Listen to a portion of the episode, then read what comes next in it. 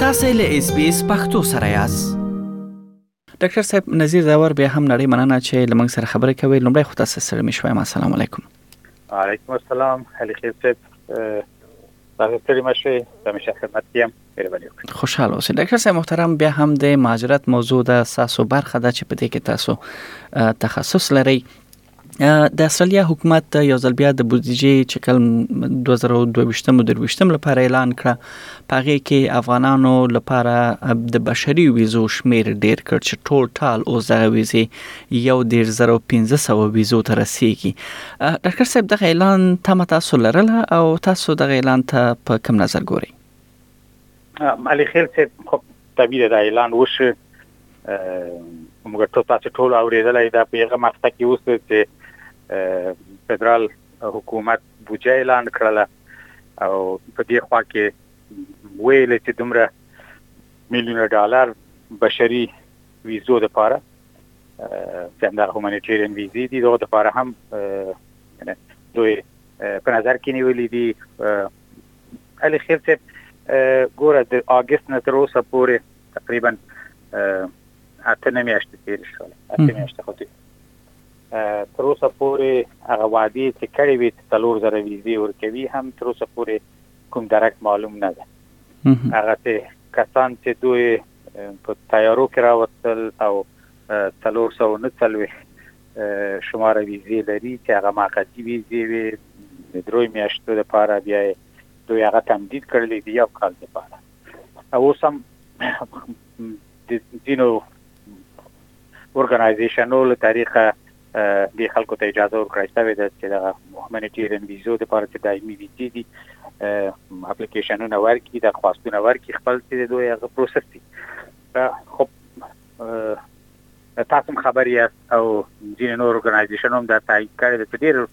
اپلیکیشنونه د دې لپاره تللي دي شاید هم ځینې یې اجرا شوي دي شاید هم نه خو ما خپله خپله نه دی اورېدلی کوم شی صحیح ډاکټر صاحب بله په خوا د دې کې دا ویزې چې دوی اعلان کړي دي یو ډېر زره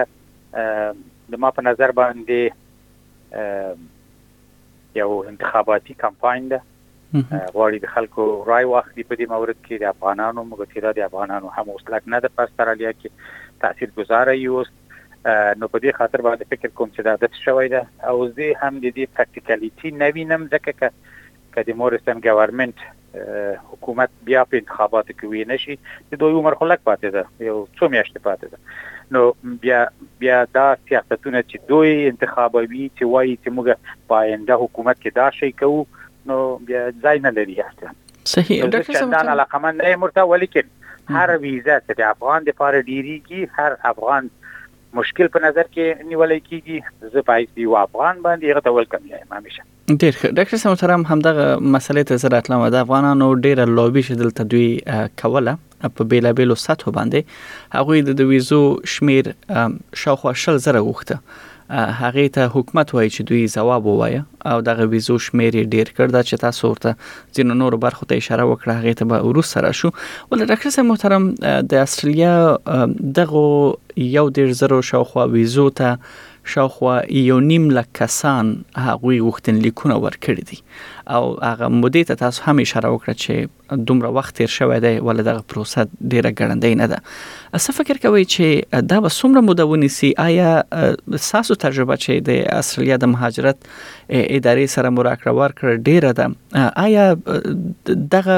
اپلیکیشنونه یا غوښتنلیکونه به په هغه وخت سره تای مراحل شي مالي صاحب چې تاسو ډیر ښه سوال وکړ اول څلور زره ویزې اعلان کړې وي بیا هغه لس زره ته ورسولې چې پنځه زره پنځه لس ویل خو پنځه پنځه فاميلي ویزې وي فاميلي ویزې وي نو اوس اعلان وکړ چې دا به ډیری سي په آینده څلور کالو کې نو په څلور کالو کې کګویا دا هم ډیری سي نو اضافته دې اضافته دې دیر زرو چې د ماته ارقام اوریدلې دي چې اته دیر زرو شپږ دیر زرو و دیر زرو خواوشا کې اپلیکیشنونه تللي دي نو کداغه په څلور باندې هم تقسیم کې 15 15 زره نه ورسیږي شپږ شپږ زره نه ورسیږي نو تعداد دغه کسانو چې اوس په لیست کې دي چې دا دولت په هغه خپل فول کپاسيټي باندې هم چې کار وکړي نو دا څلور یو درې څلور پنځه کال نه شي نو کېدای شي ځینې کسانو ته چې اول یې ورکړي چې هغه دوی خپل اعلان کړی دی چې پرایورټي چاته ورکړي هغه کسان چې دوی سره کار کړی دی او نور به هم دا په لیست کې وي چې مخکې هم هومانیټیرین لیست تازه تجربوی پښتنه وکړله قبل هم قبلا هم موږ به چې هومانیټیرین ویزو لپاره اپلیکیشنونه ورکول په آخر وختو کې پیش دي مسایل نه 15 کاله ویټینګ لیست لرو څلور کاله 15 کاله ویټینګ لیست لرو او زه اوس هم کېدای شي دغه کسان چې دوی راوستي دي په اصطلاح تقریبا عمومي 15 شپږ زره کسه اوس دوی راوستي دي په دغه ماقتی ویزو باندې هم دغه ماقتی ویزې تم کدوې په اول کال کې هغه څلور زره ته ورکی هغه خپل څلور زره لا 15 زره تهمیه د کال پوره شوی ده نو بیا دې ته دا نور خلک به منتظری بل کال ته نو دغه څه پروسس ده نو زه دې داسې کوم شی نشته چې په اول کې دنیا وعده کړې و چې دوی به زر تاسو فورسونه ورته جوړوي او دوی به زر پروسس کوي تاسو خبر یاست په زراو کته په کمپو کې دي په ابوظهبي کې په نورو مناطقو کې چې هغه عمل ته پاتې دي هغه کمپونه هم د تقریبا د ټینشن سنټر وغوندي دي تفصيلات به خوي مثلا فامیلونه چونه تزوان کوي ولیکن حق د بیرون رفتن اصلا نه لري وخت چې د چا حق د ازادي د واخیست نو هغه نو نوه د زندان د څې اداري زندان بولې څې مایګریشن زندان بولې هومانیټیرین زندان یې بولې هر نوم چې په ګدې نو نو د ما په نو ما په نظر باندې که دولت غواړي دا ویزو ته نو رښتیا هم سرعت ورکړي نو هیئت باید ولیږي لکه چې دا یو ور مطرح شوی وه چې دا باید لاړ شي هیئت دوبۍ ته د خلکو سره وګوري بدبختانه چې دا کار ونه او یو بل خبر چې ډیره مهمه ده علي خیل چې زه تاسو ته یاد کړم چې ډیر خلک دي د موږ افغانان او ځینې اورګنایزیشنونه دي خلکو ته بې ځایه وعدې ورکوي چې موږ چې موږ تاسو راولو اپلیکیشنونه راولېږئ خلک په تمه کوي دته کس زه ځکه مبالغه ونه کوم د څه نه ده خو مبالغه بلکې پکې وکم چې د ما ټلیفون اصلا سټاپ کیږي نه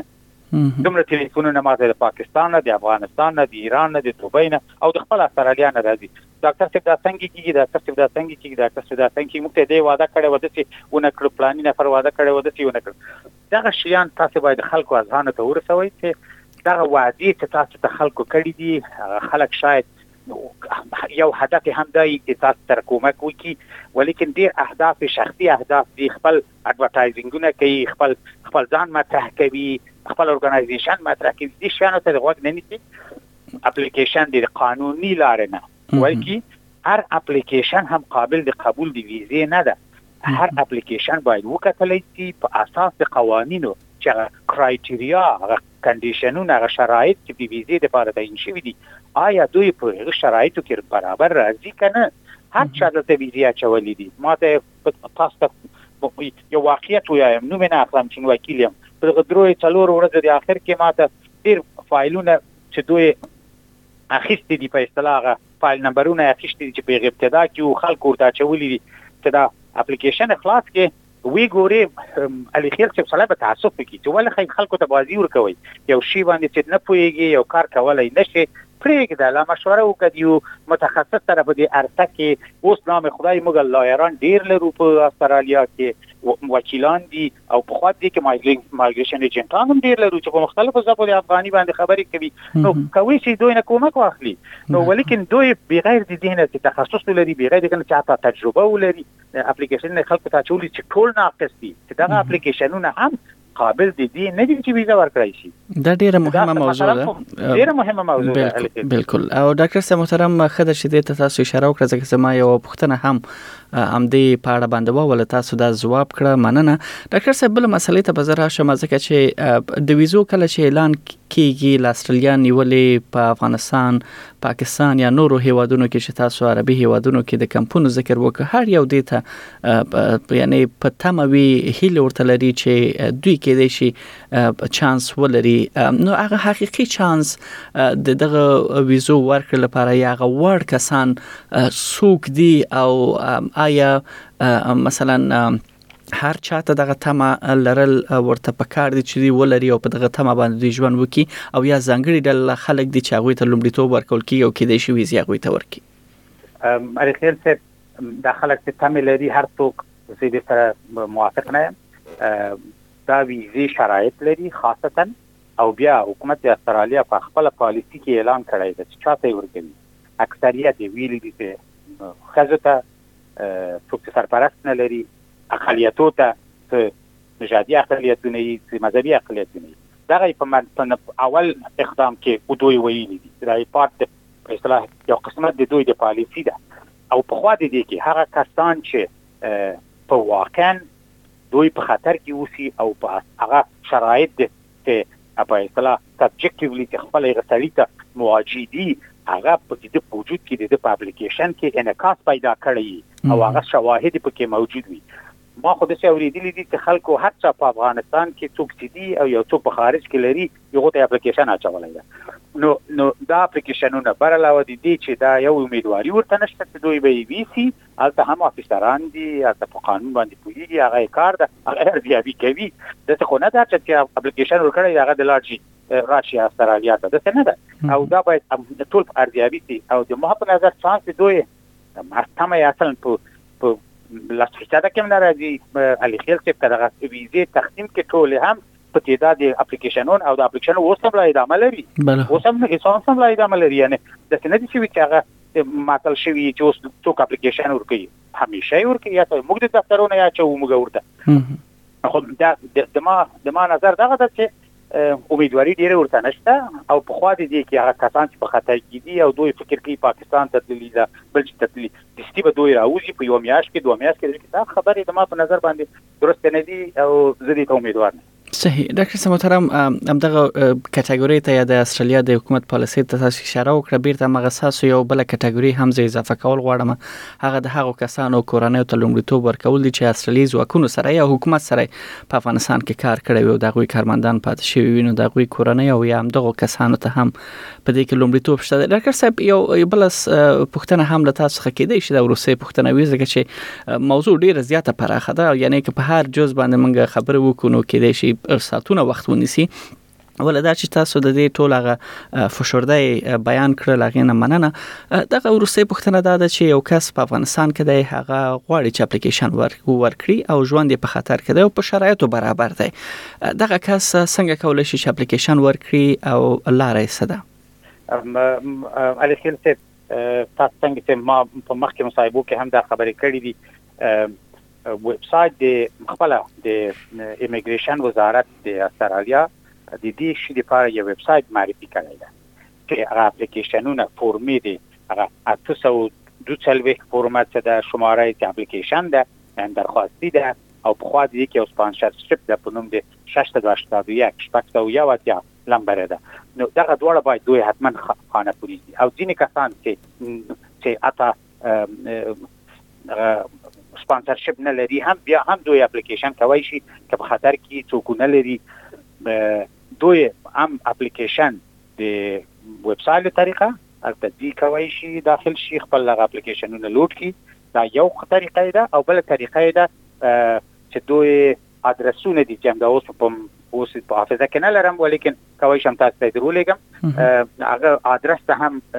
ادرس یې نه پوښتي ادرس هم لري چې هغه د خپل اپلیکیشنونه ولي